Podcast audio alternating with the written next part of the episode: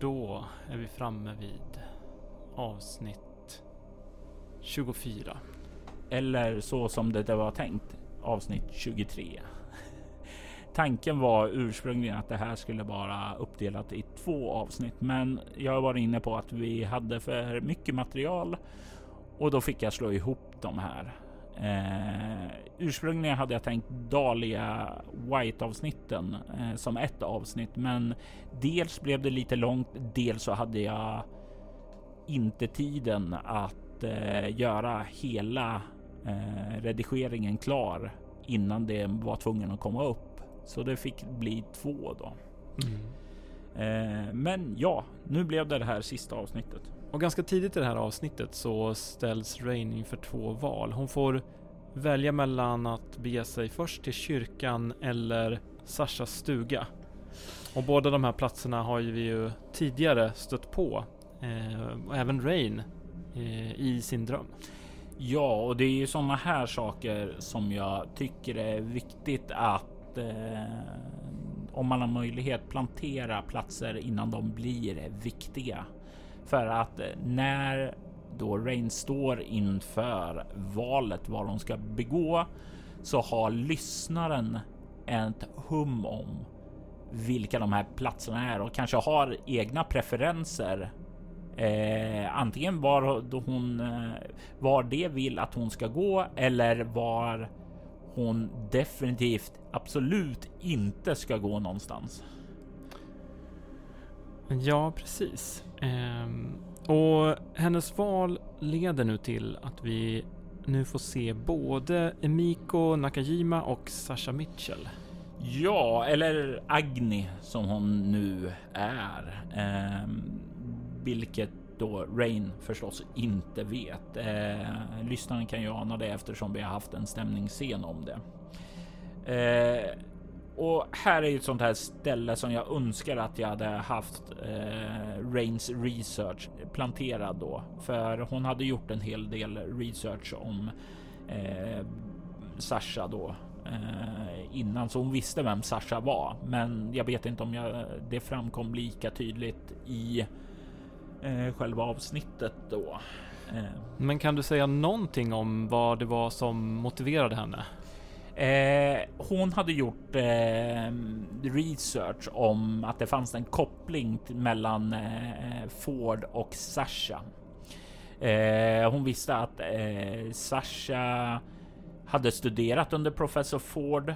Hon visste att eh, hon hade anlitat Ford för att bege sig iväg till en expedition nere i Amazonas. Eh, hon visste sedan att eh, Ford hade försvunnit spårlöst tills han dök upp i hennes liv då.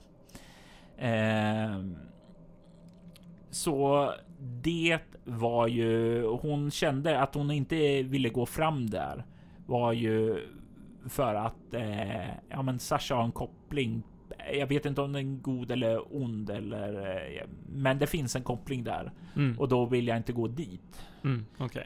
Eh, så det var varför hon valde sedan att eh, söka sig till stugan.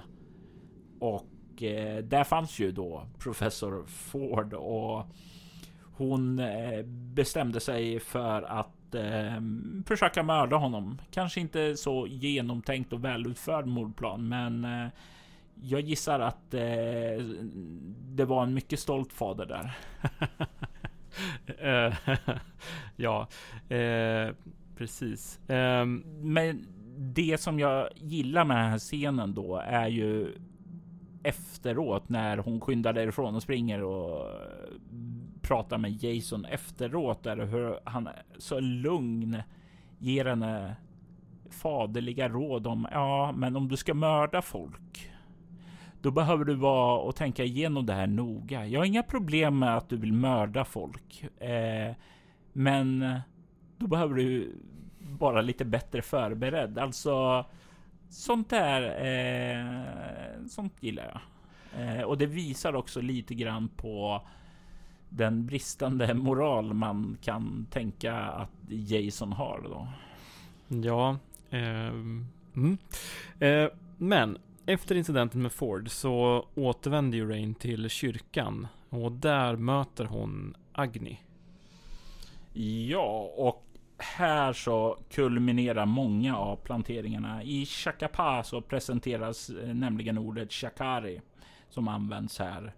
Agni planterades i stämningsscenen och så vidare. Noah eh, planteras ju i, redan i första säsongen av eh, Noahs sista drag som en vitskäggig karl. Mm -hmm. eh, och eh, i kommande säsonger så kommer det bli betydligt mer kommer han bli betydligt mer på... Påtaglig? Påtaglig. Precis. Um, ja. Då Rain, Jason och Emiko återvänder till Bremsvik så klipper vi till en scen där Professor Ford och Min möter Agni. Det här var ju en scen som jag spelade in efter 223 då med eh, Andreas Lundström och Säg Hård. Eh, jag gav dem en liten eh, inramning av scenen, vad de var där för, vad de gjorde och sedan så spelade vi ut det som hördes. Och det här var ju för att plantera eh, saker lite längre fram i det här avsnittet då. Då Rain återvänder till Bremsvik så har Dahlia återvänt. Och tillsammans så kan de då lägga de sista pusselbitarna för att befria Jenny och ge mer förklaringar om vad solburen är. Ja, för Dahlia känner ju till sin eh, släkts riter. Hon känner ju igen att det här eh, solburen är ju skapad av hennes bror då. Eh, så där blir ju Dahlia lite av en exposition maskin. Eh, så att allting blir lite tydligare för läsaren. Mm. Men, och eh, det blir ju också där en väldigt lycklig scen där eh, de äntligen befriar Jenny från fängelset och det blir att Rain får återförenas med sin vän.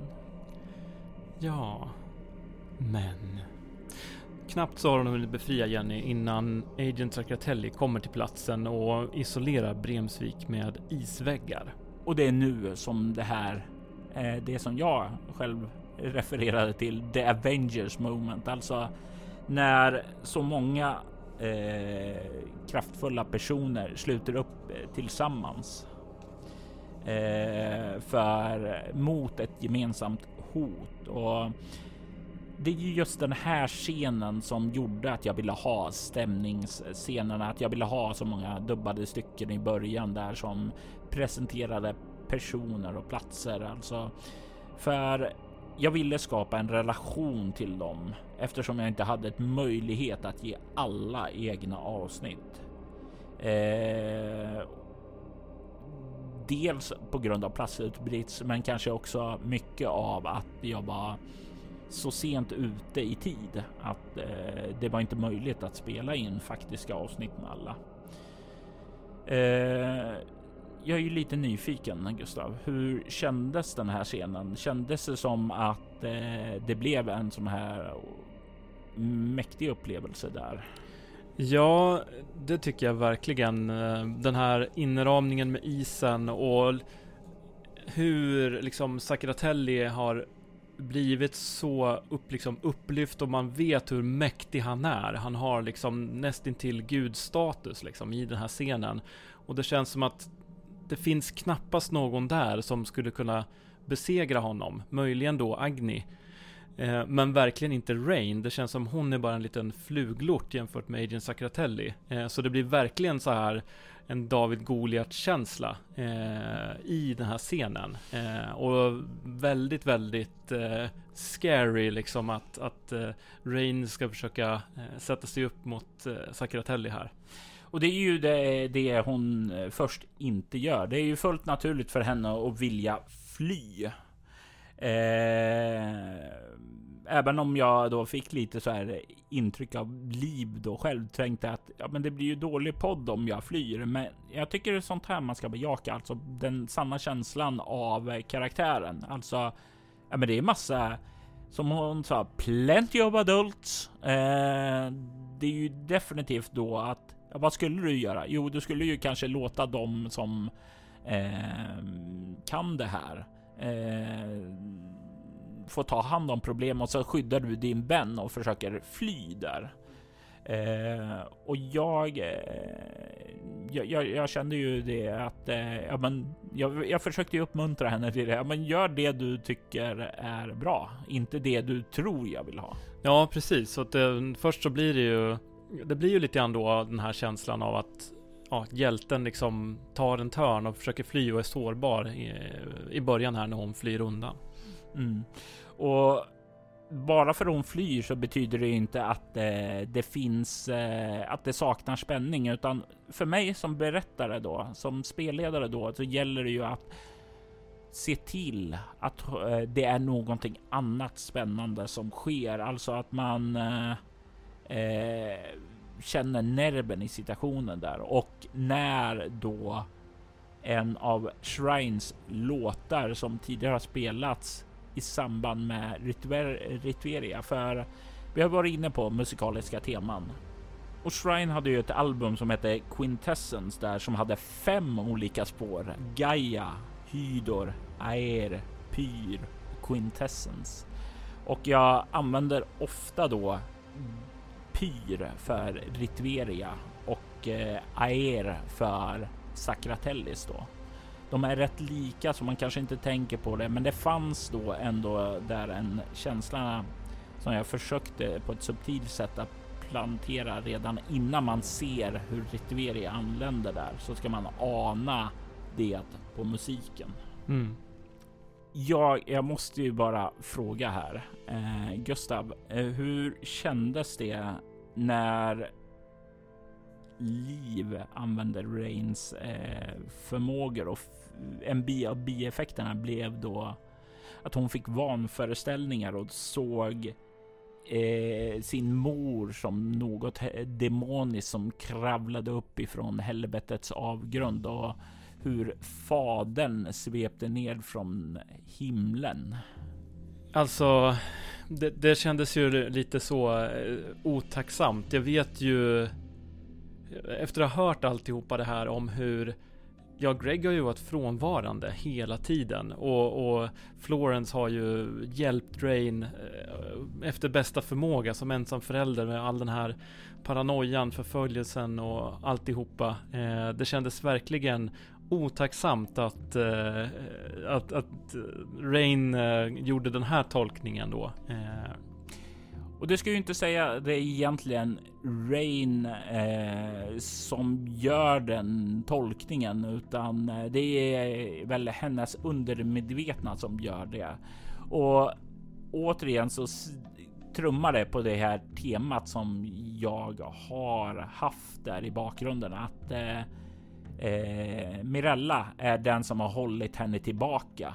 Eh, det som håller hennes själsliga krafter till fjättrade och inte riktigt kunna slå ut i blomster.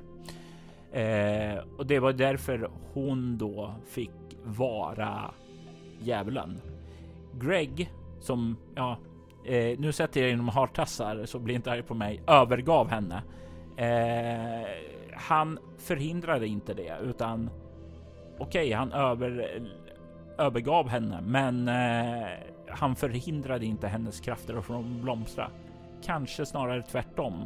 Tack vare att han drog och inte gav henne stabilitet så kunde de tillåtas växa. Och det är ju egentligen den eh, symboliken som jag försöker gestalta med hennes vanföreställning i bieffekten här. Mm, ja, precis. Ehm, och ja, det blev ju så. Greg övergav ju sin dotter eh, och sin fru, hela sin familj. Ehm, han trodde ju att han skulle kunna komma tillbaka, så ja. Jag ser fram emot att få kunna komma med fler säsonger om några sista drag. Eh, vi ska tala lite om dess status längre fram. Mm. Eh, jag älskar Livs reaktion eh, när jag beskriver att Agni kommer med förstärkningar. Hon, jag för vid spelbordet så såg jag ju liksom hon bara lyste upp glad av att få hjälp. Och sedan när jag beskrev att det var professor Ford och min som kom där. Nej, nej. jag vill inte ha deras hjälp! Alltså det var... Det var någonting som gjorde mig glad och leende ända in i min själ. Ja, jag förstår att det... det förstår jag mycket väl. eh, för vad som sker när de två kommer här så är det ju kampen om apoteosis. Vet du vad apoteosis är? Um, nu ska vi se här. Um, jag har, jag har för mig att jag vet, men att jag har glömt det. Nej men uh, någonting om uh, uh, ja, återuppståndelsen, åter, återslagningen av liksom Ritverias splittrade uh, ja, splittring eller vad man ska säga. Apoteosis eh, var ett koncept som jag introducerades till i Vampire eh, The Masquerade rollspelet, eh, nämligen eh, en äventyrsserie som Giovanni Chronicles. Det handlar om att ta kraften från en gud. Det är ju det som Agent Sacratellis är här för att göra. Det är därför han satte upp solburen för att locka hit Riberia och ta hennes kraft. Men nu när han är fullt upptagen och slåss med Jason, Dali och Emiko så kan han inte göra det. Istället blir det en kamp mellan Rain och Min här. Och eh, de båda rusar där mot Ritveria för att döda henne och stjäla hennes styrka. Och eh, här innan så hade jag ju planer på att Rain skulle ha en egen kampanj efter eh, det här. För det var ju inte riktigt tanken här att hon skulle eh, ta och försöka begå apoteosis, utan det var sådana här brickorna, så som brickorna fall Eh, Eh, så blev det så, men det var inte något jag hade tänkt innan själva spelmötet. Eh, så när det blir ett slag mellan de här två, min och henne, så inser jag ju att fuck, Rain kommer ju vinna det här för min har mycket sämre fysiska förmågor. Hade jag skickat istället professor Ford att göra det så hade troligtvis Ford fått krafterna istället. Mm. Och då hade jag kunnat spela mer med liv som Rain. Eh, men så blev det inte. Eh, utan istället så är det Rain som dödar Ritveria. Och det här är resulterar i ett dödskrig som jag är förtjust i. Eh, jag vet inte om mina grannar är lika förtjust i det eftersom Regina som gör rösten för Ritveria spelade in det här i min lägenhet och hon skrek ett antal gånger på kvällen. Eh, så jag undrar om eh, mina grannar antingen A. Eh, inte pratar med mig längre på grund av det eller om de tror att jag är en seriemördare. Eh, Eh, Eh, med tanke på vad som försiggår i din lägenhet både titt som tätt under kanske torsdagskvällar bland annat. Du säger att de är vana. Så bara, ja nu håller de på där nere igen. Fan. Kanske därför så många flyttar hela här tiden härifrån. Ja, kanske. Eh, ja. Eh,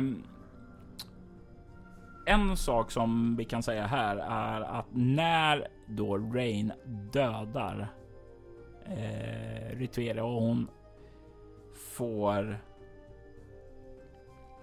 minnesflashback så hade jag tänkt först ha en annan musik, men jag fick inte loss licensen innan jag skulle publicera avsnittet, så den hamnar inte här. Så istället kommer den att komma i en framtida ark eh, till soläventyret. Men eh, mer om det senare. Eh, vi ser där i Flashbacken i alla fall att Rain upplever ett flertal scener där hon eh, ser sin far. Eh, vill du berätta lite mer om det Gustav? Det här känns ju dels som en liten eh, sneak peek inför vad som komma skall i eh, Noahs sista drag. Um, och det känns väldigt ja, väldigt bra att Rain faktiskt eh, får se detta eh, om vad som händer. Ända tills den här sista scenen där jag känner mig lite, mm, ja, var jag verkligen på så god fot med, med Noah mot slutet där? Det var inte riktigt vad jag minns. Nej, eh, för de två första scenerna är ehm, scener som utspelar sig. Det är som du sa, sneak peeks från Noahs sista drag. Den sista scenen har inte du spelat, utan det är saker som skett. Ja, och nu får ni en liten, liten spoiler. Det är saker som skett efter Noahs sista drag över. Mm. Och därmed något som Gustav inte själv vet om. Så det blev ju också ett sätt att eh, eh, mindfucka dig också lite Gustav. Men när vi avslutade Noahs sista drag. Eh, vi har ju nämligen spelat in den hela. Mm. Så eh, nämnde du någonting om att okej, okay, men det här innebär ju faktiskt att det finns en möjlighet till att göra en fortsättning om vi skulle vilja det sen senare. Och eh, det är väl en, också det här är en plantering inför det också. Mm. Det blev ju, men åter till Bremsvik och eh, Rain som nu har gjort apoteosis mot Ritveria och fått gudinnans krafter. Hon hinner knappt andas ut innan Agent Sacratellis attackerar henne. Och det här är ju lite grann av en emotionell berg och dalbana med eh, avslut. Men att den blev så direkt var nog mycket av att Liv direkt kopplade vad hon hade haft i sin vision och vände sig om och då kände jag att det var bara att köra och tuta och köra där istället. Hade, det, hade hon inte gjort det så hade det väl troligtvis varit en liten downtime. Hon kanske fått spela ut en scen tillsammans med Professor Ford och Min där istället. Eh, men nu eftersom Liv direkt vänder sig om och fokuserar där så var det bara att köra där. Eh, och under den här saken försökte jag då kanske lite för diskret att plantera att eh, hon kanske hade mer krafter eh, än vad hon eh, tidigare var medveten om. Eh, och jag försökte pusha henne liksom och göra saker, eh, friforma lite, men eh, det, jag vet inte hur väl det framgick där. Uh, hur menar du? Att du pushade henne eller att hon hade krafterna? Att hon hade krafterna, att jag fick fram det att, uh, ja, men, utan att direkt säga du har mer krafter än vad du hade tidigare. Friforma lite. Uh. Ja, nej men ehm, jag tycker att det, det framgick och det var Ja, det hade kanske kunnat vara ännu mer subtilt för Eh, i, för poddformens skull så att säga. Eh, men för eftersom att inte Liv riktigt, eh, ja hon behövde ju i, in, i spel så att säga också förstå att hon hade det. Mm. Så tycker jag nog att det, du gav precis så mycket som behövdes. Eh, sen gör du ett klipp från konfrontationen mellan Rain och Agent Zacatellis och låter Ford och Min eh, få fly från Bremsvik bara för att bli överraskade av ingen mindre än Phoenix. Ja, eh, och det var, det var någonting som jag så här, lite barnsligt förtjust i. Alltså om vi har en Phoenix, fågel Phoenix, alltså myten om den som reser sig ur elden. Och det, det ville jag ju få in där. Det här var ju en scen som jag spelade ut efter eh, den här scenen som jag berättade om tidigare uppe i stugan när de mötte Agni så sa jag ungefär Ja, då beskrev jag vad som hade hänt innan för Andreas och sig. eh, sa ert mål att fly härifrån. De visste inte att Amanda hade fått specialinstruktioner av mig tidigare. Eh, hon hade eh, och det här tror jag tror jag vi tog upp i ett tidigare avsnitt. Eh, att vi hade en liten post credit scen med någonting som eh, hade besatt Seis karaktär Min Kwon. Eh, och det var inte så här jättetydligt för jag ville, jag ville ha lite mystik kring vad fan är det där? Och det var ju då Phoenix karaktär som hade besatt henne. Eh, nu när Ritveria dödades och när hennes kraft togs av Rain så var det inte bara Rain som fick all kraft utan den här själsliga energin spred sig över området och de andra fick också eh, en del av krafterna förstärkta. Och det var det som gjorde att eh, Amandas karaktär Phoenix då kunde äntligen ta kontroll. Och när hon då eh, hade fått den här instruktionen. Du kan ingripa och ta kontroll över Shays karaktär när som helst eh, då och göra vad du vill. Och det var ju inte något som varken sig eller eh, Andreas kände till, så det var lite tillfredsställande där eh, att eh, se, se det spela ut då vid den här situationen. Eh, jag gillar scenen i sig, men eh, den här övergångarna däremellan är jag väl inte helt nöjd med. Jag tror den kunde ha gjorts bättre. Jag vet inte om du minns hur det var där Gustav? Jo, men jag tänker att det var ju också ett litet avbrott ifrån, för det har ju varit väldigt intensivt med strider och grejer hela tiden. Mm. Eh, så det här bröt lite grann för att sen kunna få den här slutstriden. För det var liksom mm. som att vi, ja, tempot och intensiteten var nästan ex, express, oh. Expeditioner. ja. eh, nej men eh, intensiteten bara steg och steg och steg. Och för att kunna få en kulmen och ett avslut och ett crescendo så tror jag du behövde bryta ner. Eh, mm. Så att jag det, jag tycker det var bra. Det är ju oftast ett, någonting som används eh, ganska så flitigt eh, runt omkring i, i, olika filmer och serier och så vidare. Så det, jag tycker det blev, blev bra. Och jag gillar också, ska jag säga, att Phoenix fick en, en andra chans här faktiskt. Så all for it. ja men vad skönt. Eh, skönt, skönt, skönt.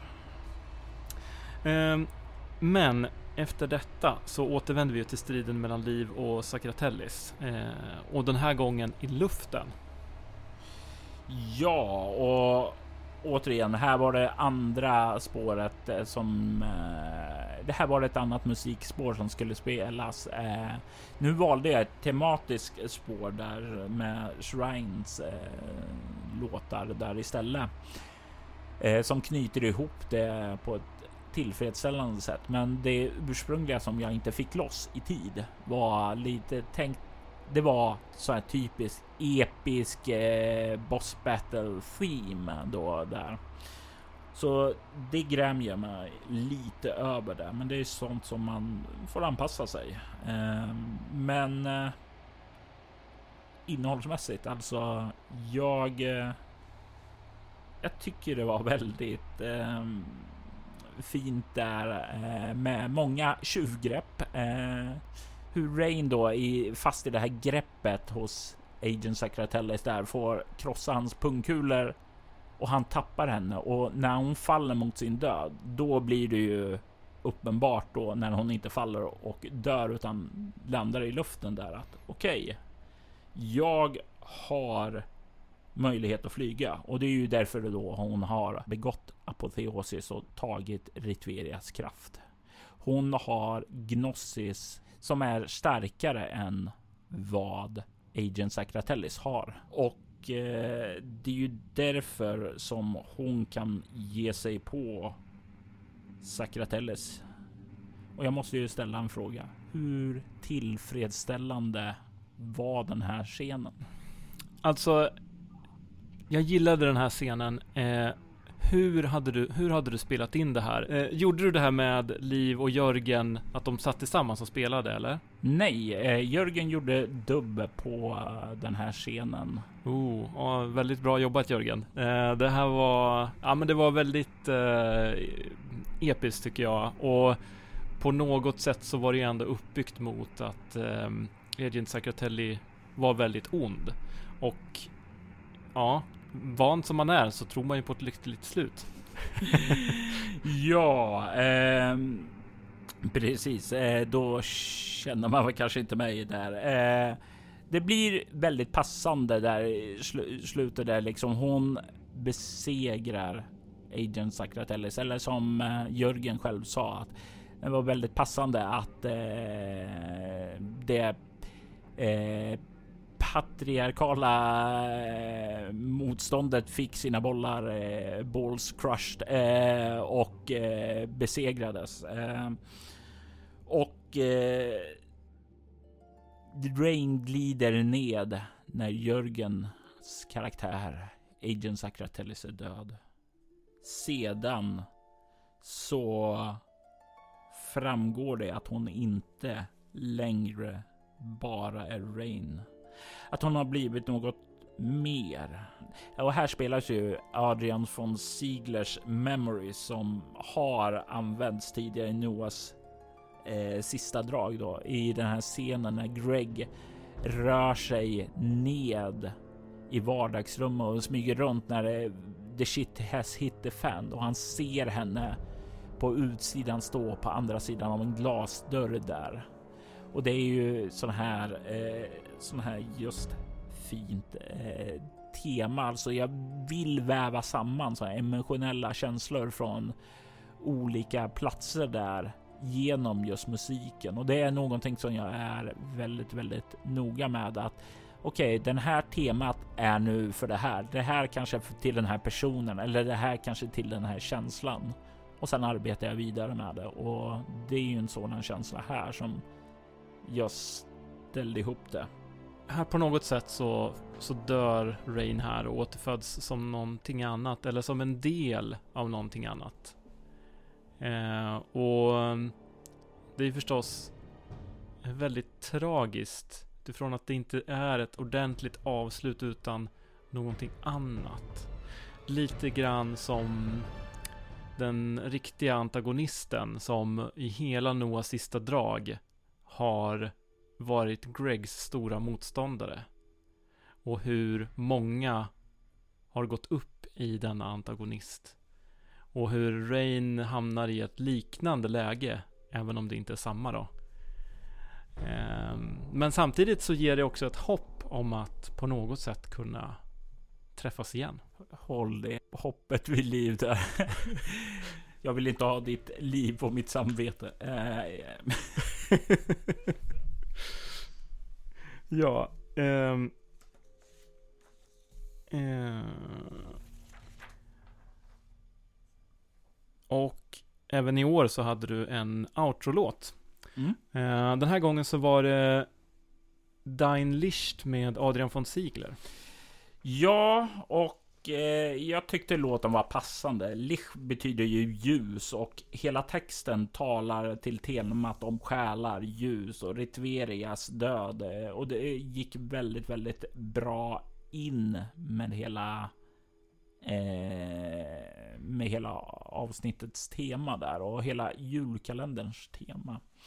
Eh, så det kändes väldigt passande och jag gillar att avrunda själva huvudarken då med en låt eftersom det blir ett, en stund att reflektera, att låta känslorna sjunka in. Att eh, bara känna och tänka innan man går in på post credit grejer och sådant. Mm. Och där får vi höra en epilog med Emiko Dahlia samtidigt som You're more than you know spelas i bakgrunden. Ja, eh, återigen sånt där musikaliskt tema. Eh, stärker det här sorg, sorgsna. Samtidigt som vi ser eh, lite efterspelet av vad som händer. För jag tycker det är viktigt att man har något sånt så är det inte bara och nu har ni besegrat monstret. The end. För det är inte ett slut. Då får du ingen emotionell avslutning. Vad händer sen? Hur går personerna vidare? Hur sjunker det här in? Och eh, det är ju därför jag vill ta och ha någonting sånt där efteråt. Det finns också en liten blinkning här bort till Insnöd som spelas i Svartvikens rollspelspodd. Händelserna i den här julkalendern, alltså Ritverias död, är vad som aktiverar det ljussken som sprider sig över trakten i det första avsnittet eh, av Insnöad. Jag tror det är första avsnittet där Kristoffer Warnbergs karaktär eh, Diana vaknar av att det svider och bränner i hela kroppen i ett starkt ljussken. Det är något som vaknar på grund av att den varelsen känner att Ritveria dör. Eh, Aha, eh, intressant. Snygg sammankoppling där. Ja, och den är ju inte så där jätteöverdriven heller, utan jag ville hålla den lite ned. Ja, eller jag vill hålla den lite diskret där för att kunna blatant eh, vifta med skylten här om det skulle behövas där. Och i slutet då så har vi ju då en övergång till eh, Jennys slut då hon återförenas med sin mor i San Sebastian. För det var ju någonting som Rain hade lovat och likaså Dahlia. Så det var ju också en sån där sak som eh, skulle knytas ihop. Eh, och det var ju någonting som eh, eh jag spelade in med eh, Frida. Inte bara dubbade utan det var vad Amanda Sten fick göra för Edvina då. Mm. Grejen var att det finns en scen till. En lite längre scen. 10-15 eh, minuter lång tror jag den blev. Där, ja, som inleds med. Jag kanske inte ska säga så mycket mer utan vi bara kanske ska ta och spela den här och nu. Vad säger du Gustav? I'm all for it. Jag gillar ju dina, eh, ditt extra material. Då kör vi. Jenny, du vaknar upp i din lilla cell. Du hade en så härlig dröm. En dröm om att du befann dig i en liten by. Hur Rain och hennes vänner kom och räddade dig. Hur hon befriade dig och fördrev Sakratellis. Hur du togs bort ifrån Sverige tillbaka till staterna och du träffade din mor. Glädjen vällde över dig. Du kände dig hel igen. Men nu, nu väcks du ifrån den drömmen. Du befinner dig här i den mörka cellen som Agent Sakratellis har hållit dig i så länge. Så, så länge. Du vet inte hur länge du har varit här. Tiden, den spelar ingen roll längre. Du hör rasslandet när låset vrids om och dörren börjar öppnas. Hur reagerar Jenny på det här? Hon äh, rycker till, såklart. Jag vill inte kolla på honom. Jag vet att jag kan känna hans närvaro i rummet. Min kropp spänner sig. Du får uh, lite flashbacks till då du hölls fången på vinden som Trish. Mm. Men äh, Sakratellis luktar inte alkohol som den mannen som höll dig fången i väntan på att Sakratellis skulle kunna hämta upp dig. Sakratellis doftar av eh, en kolonn. precis lagom inte för mycket, inte för lite. I vanliga fall skulle det uppskattas av andra, men för dig har den här kolongen så tätt förknippas med när han torterar dig. Eller som han säger det, gör dig redo för ritualen. God morgon. Sovit gott? Jo, så, så bra som man kan göra här i den här illaluktande hålan. Han kollar mot dig och sedan ler han. Ja, vi hade ju inte varit här om inte du varit en stygg flicka och flytt från den frihet jag givit dig. Behöver jag eskortera dig till kammaren idag eller kan du gå själv? Nej, du får nog eskortera mig. Och du känner då hur du slungas hårt in i väggen av en osynlig vind och du känner hur det knakar till i ena armen som kommer i lite fel vinkel och axeln går ur led och du skriker till av smärta. Du kan ta en bestående förlust i kropp. Mm, absolut. Visst, jag kan eskortera dig, värdelösa lilla pastflicka. Och du kan känna hur vinden griper tag i dig och du svävar ut efter honom där. Det är som de här osynliga vindarna har slingrat sig tätt omkring dina lemmar som hårdrakna rep. Du kommer ut i Sakratellis mörka tortyrkammare. Du ser en lampa tända som lyser ned över en stålbrits med spännen för dina armar och dina ben. Du kan se hur det ligger massor med hemska tortyrredskap vid sidan. Han kliver fram dit och de här vindarna för dig ned till britsen och slår ner dig med en kraft där också.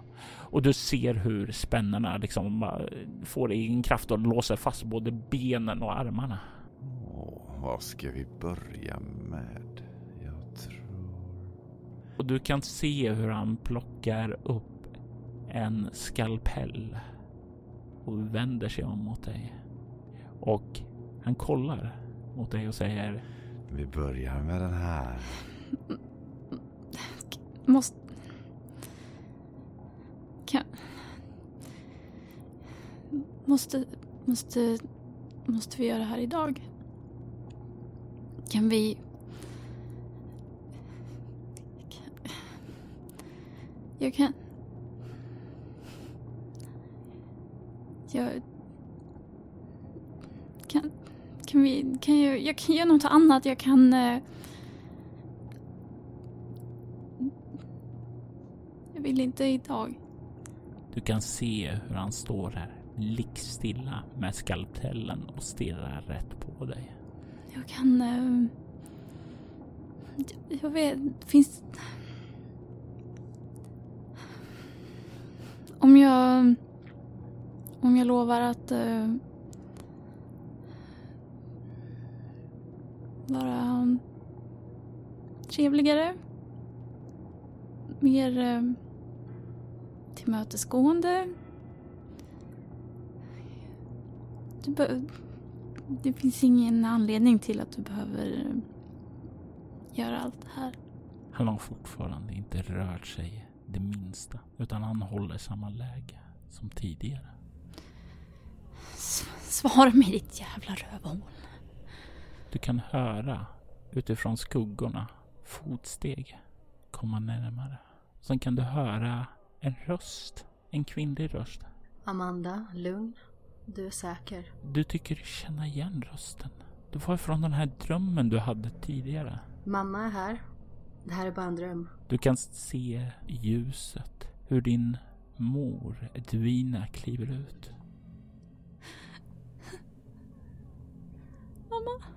Du ser hon kliver fram till dig och liksom stryker dig över kinden och börjar spänna lös dig. Hjälp. Vad är det som händer? Du drömmer, men inget du behöver vara rädd för. Men han står, han står precis där. Han kollar bort emot honom. Ja, han står där. Men här i drömmen behöver du inte frukta honom. Du är min dotter och du är speciell. Du kan se hur hon stryker sin hand över din kind nu eh, och sedan hjälper dig att sätta dig upp. Jag besitter krafter att kontrollera drömmarna. Jag har tränat hela mitt liv och du har de gåvorna också. Du kan också styra drömmarna. Du har bara inte lärt dig det ännu. Okej. Hon håller dig tätt omkring sig. Vad vill du göra? Vill du bort härifrån?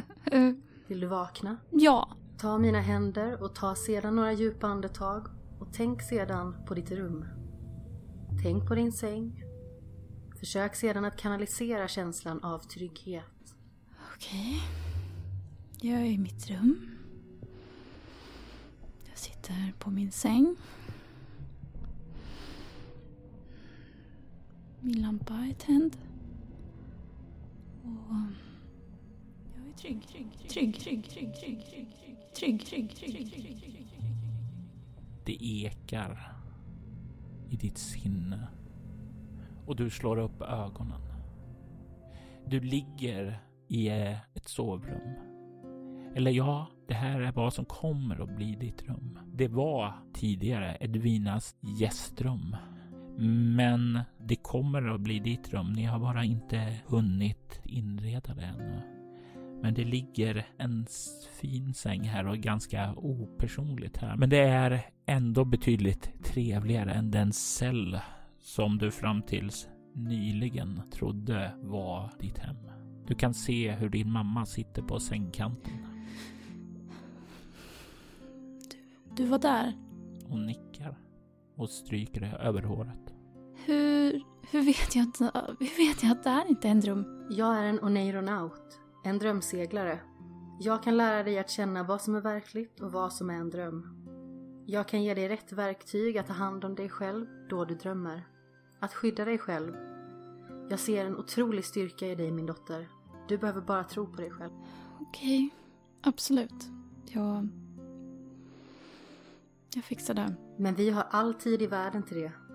Idag är det ju julafton. Vi har förlorat så mycket tid från varandra så jag undrar hur du vill fira vår första julafton tillsammans. Jag har inte... Jag har inte hunnit tänka på det här. Jag har varit så upptagen med att tänka på annat. Eh, men eh, jag har nog aldrig firat en, eh, en normal jul riktigt. Vi kan, vi, kan, vi kan börja med att äta frukost. Jag vill, jag vill vara med dig idag. Du kan se att hon ler av glädje och det finns inget tvivel i ditt hjärta på att hon känner exakt samma sak till dig. Hur de här orden som du säger gör henne lycklig. Och hon håller om dig hårt. Du känner den här moderskärleken som hon känner till dig. Och sen släpper hon dig till slut och eh, kollar ner på dig. Jag går och ordnar lite frukost till oss båda. Du kan ju komma ner när du känner dig redo. Jag vet inte vad för kläder du föredrar och jag kan ha fyllt garderoben med alldeles för många klädstilar. Säger hon. Ser så lite clueless, uh, mammig ut där. Duschen finns lite längre ner i korridoren utanför ditt rum. Ta tack så mycket. Jag, jag, jag hittar nog någonting. Jag, jag, jag, jag gör mig ordning snabbt så kommer jag ut och hjälper dig sen. Och du kan se hon reser sig upp och kliver ut. M mamma, Hon stannar till i dörröppningen och kollar tillbaka mot dig. jag vill bara säga att jag är... Jag är jätteglad att jag är här och jag älskar dig. Du kan se hon vänder sig om och kliver fram och håller om dig och viskar i ditt öra. Jag älskar dig med. Hon håller tätt om dig och du står där, känner värmen. Och till slut så släpper hon dig, ler. Sen så kliver hon iväg ut och du blir ensam kvar. Du stirrar ut från höghuset, ut i staden San Sebastian, som är ditt hem nu. Ditt hem tillsammans med din mor. Och det är då du ser det genom fönstret på den åttonde våningen. En annan flicka stå ute i luften. Du kan se henne, din vän, Rain. Du kan se att hon lyser i sin nya form. Ett starkt behagligt sken pulserar. Hon ler emot dig och det är som om du känner en värme ifrån henne.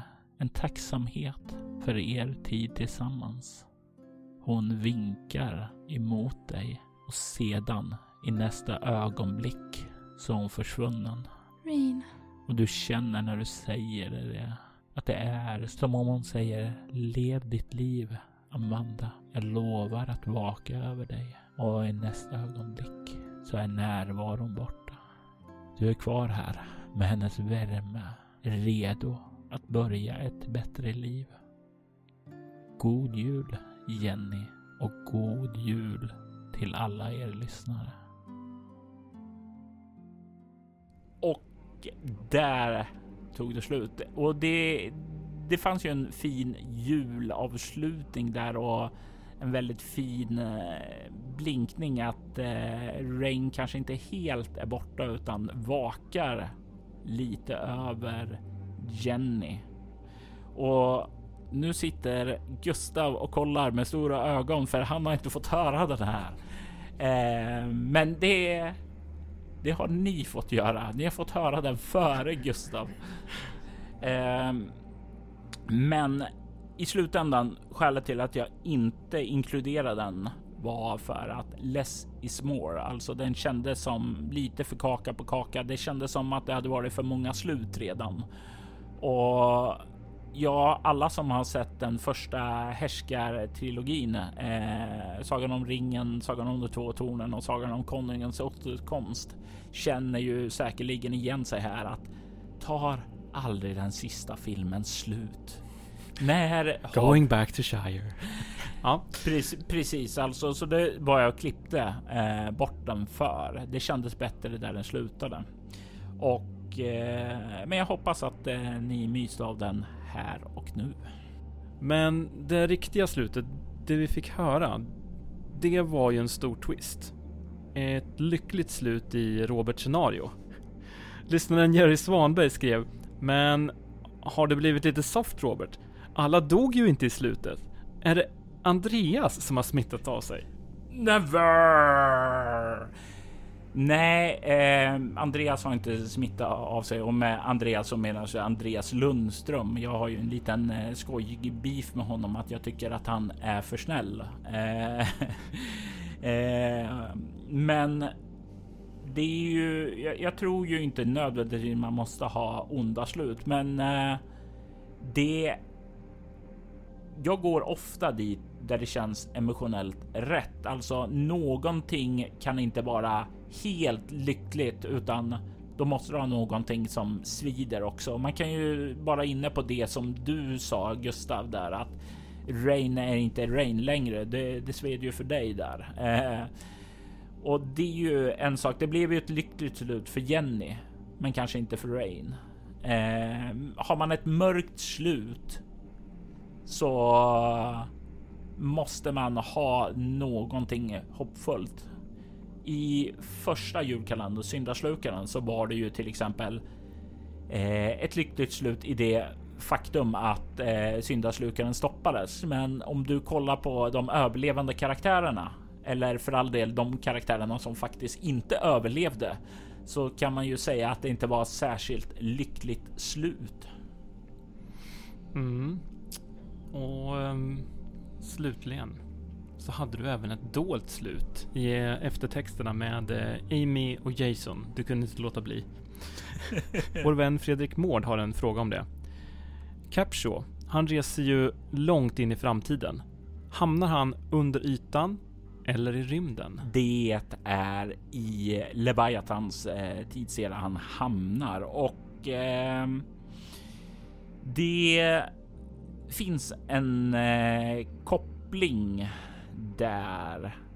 Eh, vi kommer som sagt var Kaminski stationen nämns.